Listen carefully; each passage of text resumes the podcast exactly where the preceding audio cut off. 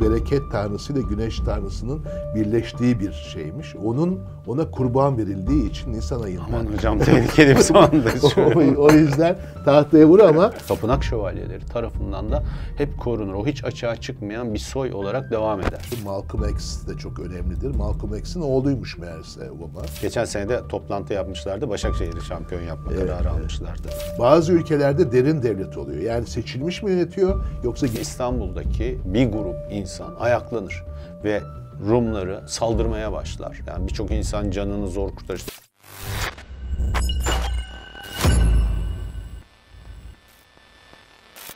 Fuat biliyor musun? Da Vinci'nin Son Akşam Yemeği diye bir tablosu var. İsa ve 12 havarisi son akşam yemeğini yer.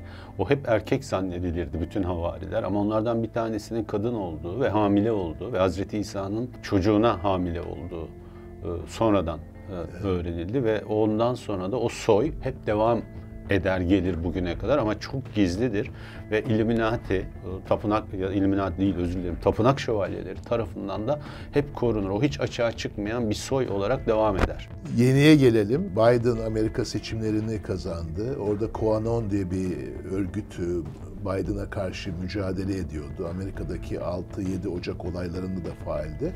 E, Onların e, Biden'a karşı mücadelesinde söylediği, e, ben de onu söyleyeyim sana, biliyor muydun? Biden esasında bir insan değil, yani ağız kısmında bir mekanik sorun olan bir robot olduğunu. Çok enteresan bunu bilmiyordum ama Yani başka Illuminati şey. daha çok şey esasında, daha çok konuşulan bir şey ama yani buralara Bu- bu kadar da şey komplo değil. teoriler Ee, buralara kadar da gelebiliyor. Gene önemli bir şey. Yani aramızdaki her beş insandan birinin uzaylı olduğu aslında ama şimdilik insan gibi davranıyorlar. Çünkü yani çok şoke olmasın insan nesli diye ve belli bir aşamada çoğalıp çoğaldıktan sonra dünyayı ele geçirme ve yönetme haline geldikten sonra açığa e, çıkacaklar. Zaten hani bu, bu belki daha fazla inanılan bir şey. Çünkü Ipsos'ta böyle bir araştırma yap, yapılmıştı zamanında ve %14 böyle olduğunu biliyor ve inanıyordu. E aynı şekilde mesela Obama da e, çok popüler olan bir başkan olarak seçilmişti.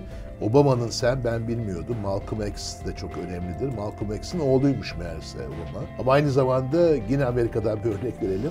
Elvis Presley çok meşhurdur ama yani Amerika'da çoğu insan Elvis Presley'in ölmediği, hala yaşadığını e, inanır. Bu aşı meselesi de ilginç. Aslında Çinliler bu Covid'i e, özel olarak dünyadaki etkilerini arttırmak üzere yaygınlaştırıyorlar. Aslında şu anda Çin'de böyle bir sorun yok.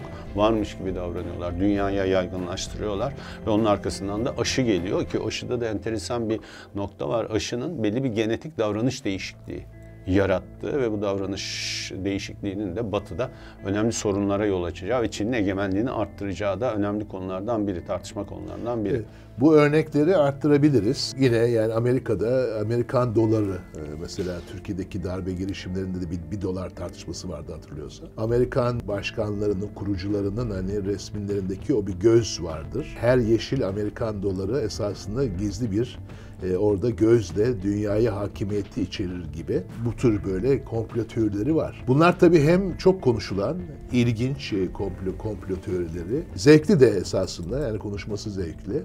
E, Yapılan araştırmalar gösteriyor ki Amerika'da örneğin her kişi, her Amerikan bireyi birden fazla komplo teorisine inanıyor. Türkiye'de son dönemlerde doların artışıyla ilgili esasında yapılan araştırmalarda yani bunun hani e, ekonomik değil e, bu Illuminati olsun, üst akıl olsun bazı derin güçlerin yarattığı bir e, komplo olduğu olduğu da inanın yüzde 50'lere kadar gelebiliyor.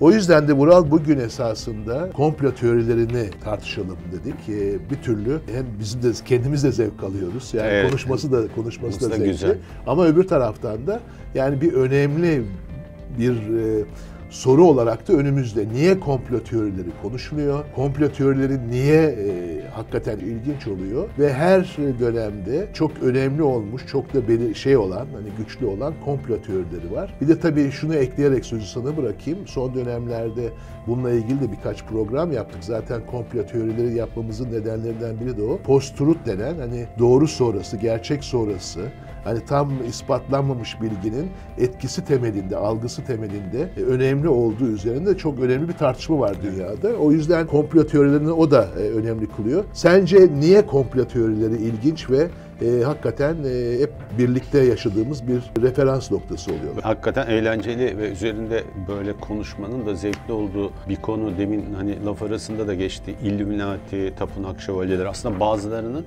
tarihsel kökenleri var. Yani bir tarihsel köken var işte tapınak şövalyeleri diyelim ki Süleyman Mabedi'nde belli e, bir dönemde ortaya çıkıyorlar. Orayı korumak üzere ortaya çıkıyorlar. Sonra devam ediyorlar ve bütün e, Avrupa'da çok etkili oluyorlar ve belli aşamaya kadar da çok ciddi örgütleniyorlar. Sonra işte Papa bunları yasaklıyor Fransa'nın etkisiyle dağıtıyorlar, yakaladıklarını öldürüyorlar. Sonra arka planda gizli bir örgüt olarak çalıştıkları ve şimdi tapınak şövalyelerinin böyle dünyayı ele geçirmeye çalışan gizli operasyonların bir parçası olduğu. Zaman zaman bir Gladio vardı hani meşhur konuştuğumuz ülkeleri yöneten o gizli örgüt. Onun da onunla da etkileşim halinde oldu. Çıkıyor gene Illuminati yani bir Alman kökenli bir grup. Gene böyle aslında kiliseye ve dine karşı çıkmak üzere örgütlenen bir grup. İlk orijinali o. O da zaman içerisinde çok etkileniyor, örgütleniyor, yasal olarak örgütleniyor. Sonra bir gün e, tepesine biniyorlar, yok ediyorlar. Ondan sonra onun da illegale geçtiği, bilinmez olduğu ama dünyanın yönetiminde çeşitli komploları yapan enteresan bir örgüt olarak devam ettiği gibi bazılarının tarihsel kökenleri var. Ama hepsini toparlarsak belki iki kategori var komplo teorilerinin. Bir tanesi komplo bir entrika demek aslında. Gizli entrika demek. Siyasi entrika olabilir, başka bir entrika olabilir ama bir böyle entrika e, işi demek. Bir grubu böyle aksi yalanlanamayacak veya doğrulanamayacak ama kendi içinde mantıksal bir bütünlüğü olan kendi içinde gayet mantıklı yani evet Da Vinci kodu birisi kadın öyle Hazreti İsa çocuk yani bunu yalanlayamazsın da doğrulayamazsın da kendi içinde ama bir e, bütünlüğü var. Bir grubu öyle. Ee, ve bunlar tabii daha e, zor ve daha derin ve daha eğlenceli konular belki. Bir kısmı ise sonradan başlangıçta bir komple teorisi gibi gözükse bile sonradan aslında gerçek olduğu anlaşılan ve günlük hayatımızda belki çok etkileyen e, komplo teorileri var ya da entrikalar var. Onları ise hani birazdan belki daha fazla konuşuruz. Hani önce komplo teorisi gibi başlıyor. İşte diyelim ki Saddam'ın gaz kullandığı, dolayısıyla çok tehlikeli kendi ülkesine ve bölgeye karşı çok tehlikeli silahlar yaptığı gibi bir şey. Dolayısıyla yok edilmesi gerekir diye bir ideoloji oluyor. Sonra da sonra bir bakıyorsun ki ülkeler hep birlikte Saddam'ın Irak'a girmişler. Irak'ta bir savaş olmuş. Irak'ı yok etmişler. Rezim değiştirmişler ve. Sonra da bakıyorsun ki yok öyle bir şey. Yani gaz falan üretilmemiş orada. Öyle bir şeyin ipucu da bulunamıyor ama savaşın gerekçesi bu oluyor. Dolayısıyla e, diyebileceğim bu küçük entrikalarla yalanlanamayan fantastik ve bizim konuşmaktan da zevk aldığımız şeylerle insan hayatını çok etkileyen eden iki ayrı kategori var. Bu iki ayrı kategoriyi birbirinden dikkatlice de ayırmak gerekiyor.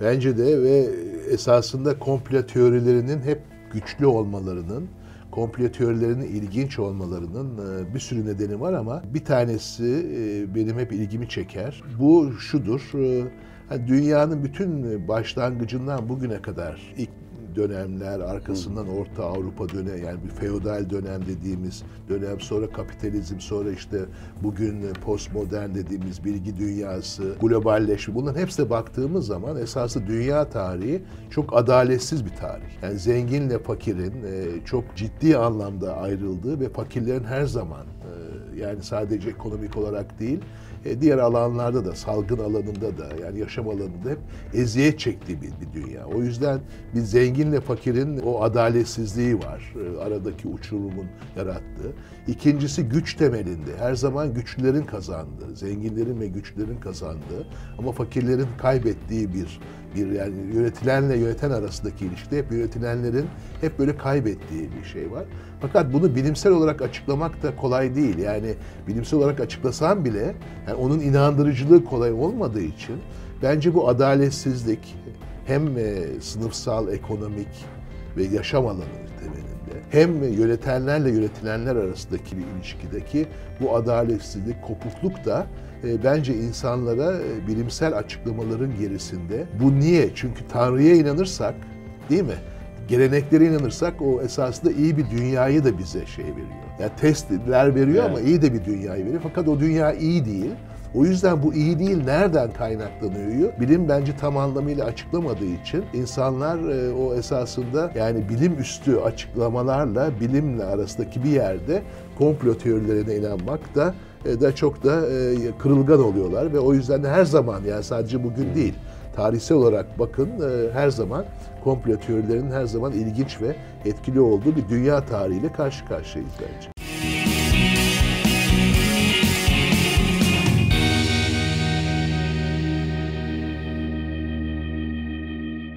Bilim deyince aklına, aklıma geldi. Scientology tarikatı da dünyayı yöneten önemli Evet, tarikatlardan evet, birisidir. Yani aileler falan da var birazdan Ve çok önemli belki. insanlar üyedir biliyorsunuz. Evet, oraya yani o da ayrı bir e, kategori. Biraz böyle fantastik bir şey geldi gene aklıma. Bir ara e, bir araştırma yapılmıştı gene dünya çapında bir araştırma. Araştırmada şöyle bir soru vardı. Geçenlerde Londra'da imzalanan demokrasi ve insan hakları sözleşmesini destekliyor musunuz? Cevaplar da işte bu tür araştırmalarda hep olduğu gibi geleneksel ve çok tehlikeli cevap şıkları var. Evet destekliyorum, hayır desteklemiyorum, fikrim yok, bilmiyorum gibi. Sonuçta insanların yüzde kırkının falan bunu desteklediği, daha azının desteklemediği, e, gene yüzde 25-30'unun da fikrim yok dediği bir cevap ortaya çıkıyor. Her ülkede, Türkiye'de de yüksek civarda destek aldı. Sorun şu ki böyle bir anlaşma yoktu. Ama insanlar kendilerine verilen şıklar içerisinde bunun var olduğunu şey yapıp hatta oturup da hani bizim meşhur şu andaki şu günkü televizyon programlarında bunu tartışıyor bile olabilirler. Bu iyidir, kötüdür. İnsanlar buna niye böyle dedi. Aslında öyle bir olay yok. Ama insanlar e, bunu varmış kabul etme ve bunun üzerinden de yorum yapma ve destekleme gibi bir reaksiyon gösterebiliyorlar. O da eğlenceli sonuçlardan biriydi bu işlere, bu konulara, bu araştırmalara nasıl bakılmasıyla ilgili. Muhtemelen şöyle bir şey var. E, Bir sürü sorunla yaşıyoruz ve o bir sürü sorun içerisinde de suçlu sorumlu bulmak durumundayız. Ve ülkelerde yöneticiler yani ve sorumluların böyle biraz daha uzakta olması, biraz daha bilinmeyen olması, biraz daha ötede ve dışarıda olması, yukarıda bir yerlerde olması, gizli bir yerlerde olması biraz herkesi rahatlatan bir du- duygu oluyor. Yani ne oluyor günlük hayatımızdaki e, sorunlar? Dış bir güç yani dış dediğim yukarıdaki bir güç. Ülkenin Amerika ya da Fransa ya da Türkiye olması da çok fark etmiyor. Azerbaycan ya da Suriye'de olabilir. Hep böyle bir bir takım sorunlar, bu senin dediğin sınıf mücadelesi, yoksulluk, yedik, terörle ilgili so- sorunlar hepsinin sonunda bilinmeyen bir dış gücün, gizli, hafif şey, bir dış gücün e, olması. Bir ara masonlar bunun üzerinden çok tartışılırdı. Yani Türkiye'nin 1960-70'ler döneminde bu dış güç genellikle masonlardı. Masonlar da aslında dünyada yasal olarak örgütlenen, dernekleri olan, işte tüzükleri falan olan bir kuruluş. Şimdi herhalde o zamanlar daha etkiliydi belki. Hani hatırlarsam başbakanları masonlar atar filan aşamasından gelindi. Şimdi daha böyle orta sınıf dayanışmasına dönen belki bir dernek yapısı oldu. Ama hep böyle bir bu bilinemeyen, o yasa resmileşti ama bilinemeyen bir dış güce insanların e, sorumluluk atfetmesi, yöneticilerin de yani hoşuna giden belki bir şey. Çünkü sorumluluk başka bir yerde oluyor. Onlar da gizli, dünyayı yöneten bir takım insanlar, aileler filan. O ailelerde yok değil anlamında söylemiyorum tabii bunu.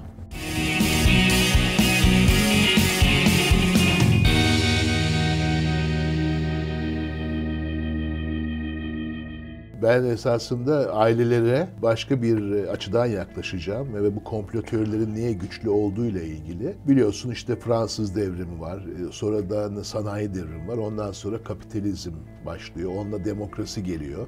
Artık seçilen bir yönetimin yönettiği bir bir bir bir şey var. Dünya tarihine giriyoruz ki ondan sonra 1945'ten sonra filan da esasında artık demokrasiler çok güçleniyorlar. Bugün çok ciddi sorunları var demokrasilerin ama e, bütün bu tarih içinde kim esasında yönetiyor sorusu hep bizde kalıyor. Yani seçilen mi yönetiyor yoksa bir grup mu yönetiyor yoksa onların arkasında gizli bir grup mu yönetiyor? gibi kim yönetiyor sorusu bence yani modern tarihin ve modern kapitalizmin tarihinde önemli bir sorusu. Ve burada dikkat edersen hani komplo teorileri konuşulurken hep böyle yöneten seçilenin arkasındaki gruba referans vardır ve o çok etkili olur. Mesela Rothschild ailesi bütün bu Avrupa'dan çıkıp Amerika'ya kadar gidip yani Batı modernitesi, Batı demokrasisi, Batı toplumları ki onlar esasında bu işte kapitalizm olsun, ekonomi olsun, teknoloji olsun o gelişmeleri yapıyorlar. Mesela bu ailenin çok etkili olduğu konuşuluyor. Ben bizi izleyenlere tavsiye edelim. Babylon Berlin diye bir dizi var. Almanların yaptığı ve hakikaten en fazla par- para harcanan çok iyi bir e, 1930'ları an- anlatan bir şey. Yani orada Alman faşizminin yükselmesinde esaslı daha önceki sosyal demokratik yapılara, işçi sınıfının güçlenmesine karşı monarşinin e, yapmış olduğu bayağı ciddi yani cinayetler var, darbeler var. Öyle bir aile var. Yani geride esasında onlar yönetmek istiyorlar. Yine bir dizi yapalım. House of Cards mesela Amerika ile ilgili. Hani orada da yani Frank Underwood'un hiç seçim olmadan Amerika başkanı olmasında geride bir e, odada aile yahut da derin devlet diyoruz. Bazı ülkelerde derin devlet oluyor. Yani seçilmiş mi yönetiyor yoksa geride mi yönetiyor? O yüzden komplo teorilerini bence e, böyle ilginç ve e, etkili kılan nedenlerden bir tanesi de daha önce e, adaletsiz dünyadan bahsetmiştim. Ekonomik anlamda, yöneten yöneten arasındaki güç anlamında. Ama onun kadar bence ilginç olan yani giderekten de bu dönemlerde daha da bir soru işareti olan yani esasında kim yönetiyor? Mesela Amerika'yı kim yönetiyor? Amerika'yı Biden mı yönetiyor? Trump mı yönetiyor yoksa onun arkasındaki o aile ve o yapılar Bu her ülke için geçerli Evet, bir soru. Avrupa'da öyle, İngiltere'de ö- İngiltere'de öyle, Almanya öyle. O yüzden de e, bence komplo teorilerini konuşurken çok önemli referanslardan biri hiçbir zaman e, seçimler, demokrasi konuşurken kim yönettiği üzerine çok net bir fikrimizin olamadığı bir garip dünyada da Can tam yaşıyoruz. bir komplo teorisi de yapmış oldun yani. Ama bu, bu bunun etkisi yani esasında o, o yönetmenin ne kadar zor olduğunu gösteriyor yani ve kim olduğunu Tabii. gösteriyor.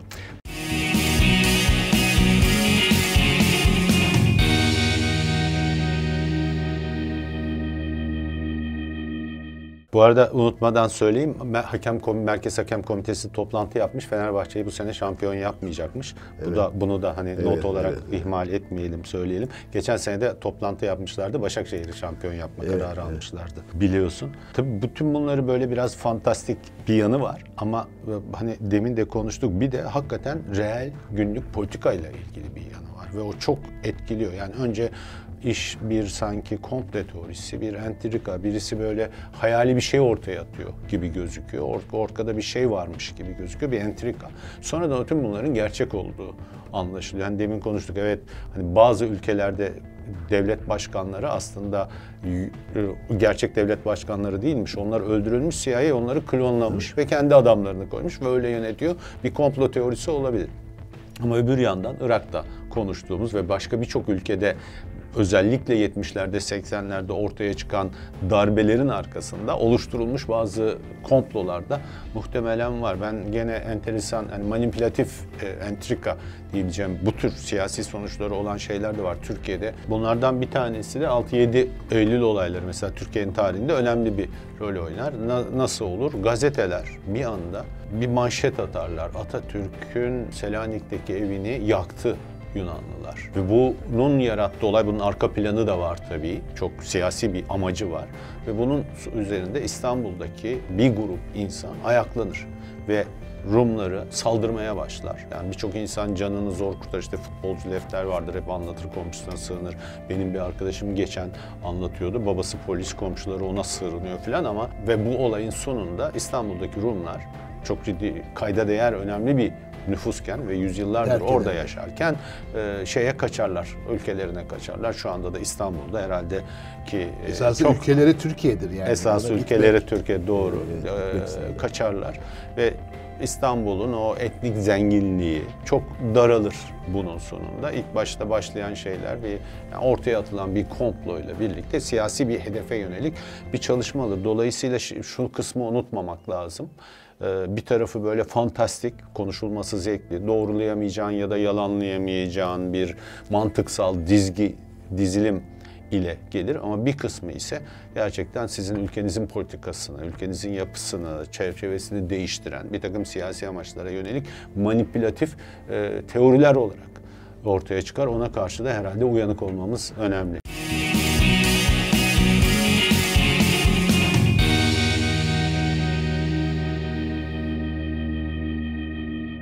Öyle esasında Türkiye ile bitirelim. Türkiye'de ilginç bir case. Ee, ve e, Türkiye örneğinde baktığımız zaman e, biraz baktım ben bugün hani komplo teorilerine e, konuşacağımız için. Niye ilginç oluyor? Çünkü tam senin söylediklerini Türkiye'de bir laboratuvar olarak görüyoruz. Bir kere Osmanlı İmparatorluğu'nun e, bir taraftan Cihan İmparatorluğu olmuş sonra çöküyor. Arkasından bütün tarihi boyunca darbeler oluyor. Arkasından senin söylediğin gibi 5-6 Eylül olayları gibi yani 1915 olayları olsun, 1980 darbesi ve sonrası olsun. Hatta son dönemde yapılan hani Türkiye'nin dünya ile ilişkilerindeki doların artışı, düşüşü gibi şeyler olsun. Bütün bunlara baktığımız zaman esasında bunları biz bilimsel anlamda, akademik anlamda açıklayabileceğimiz gibi yani bu tür böyle çöküşler, bu tür darbeler, kırılmalar, bu tür hareketler esasında bir e, boşluk yaratıyor. Komplo teorilerine çok elverişli ve Türkiye'de baktığımız zaman komplo teorileri esasında yani Osmanlı'nın çöküşünün bir komplo teorisi içinde açıklanabileceği, Servin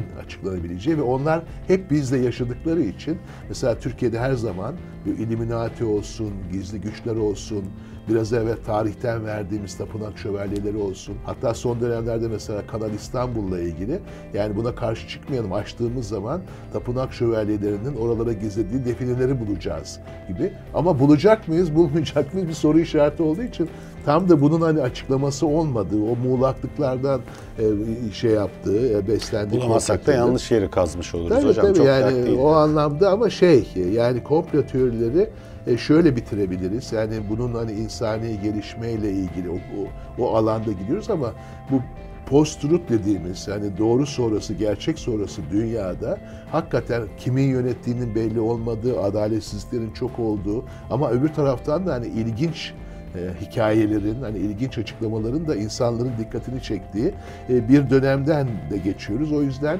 e, bence hem böyle dönem, bu dönemsel olarak hem de esasında genel dünya tarihinde komplo teorileri biraz hani yaşanmışlıkla gerçek arasındaki ilişkide e, ilginç bir e, referans noktası olduğu için bunu tartışalım dedik.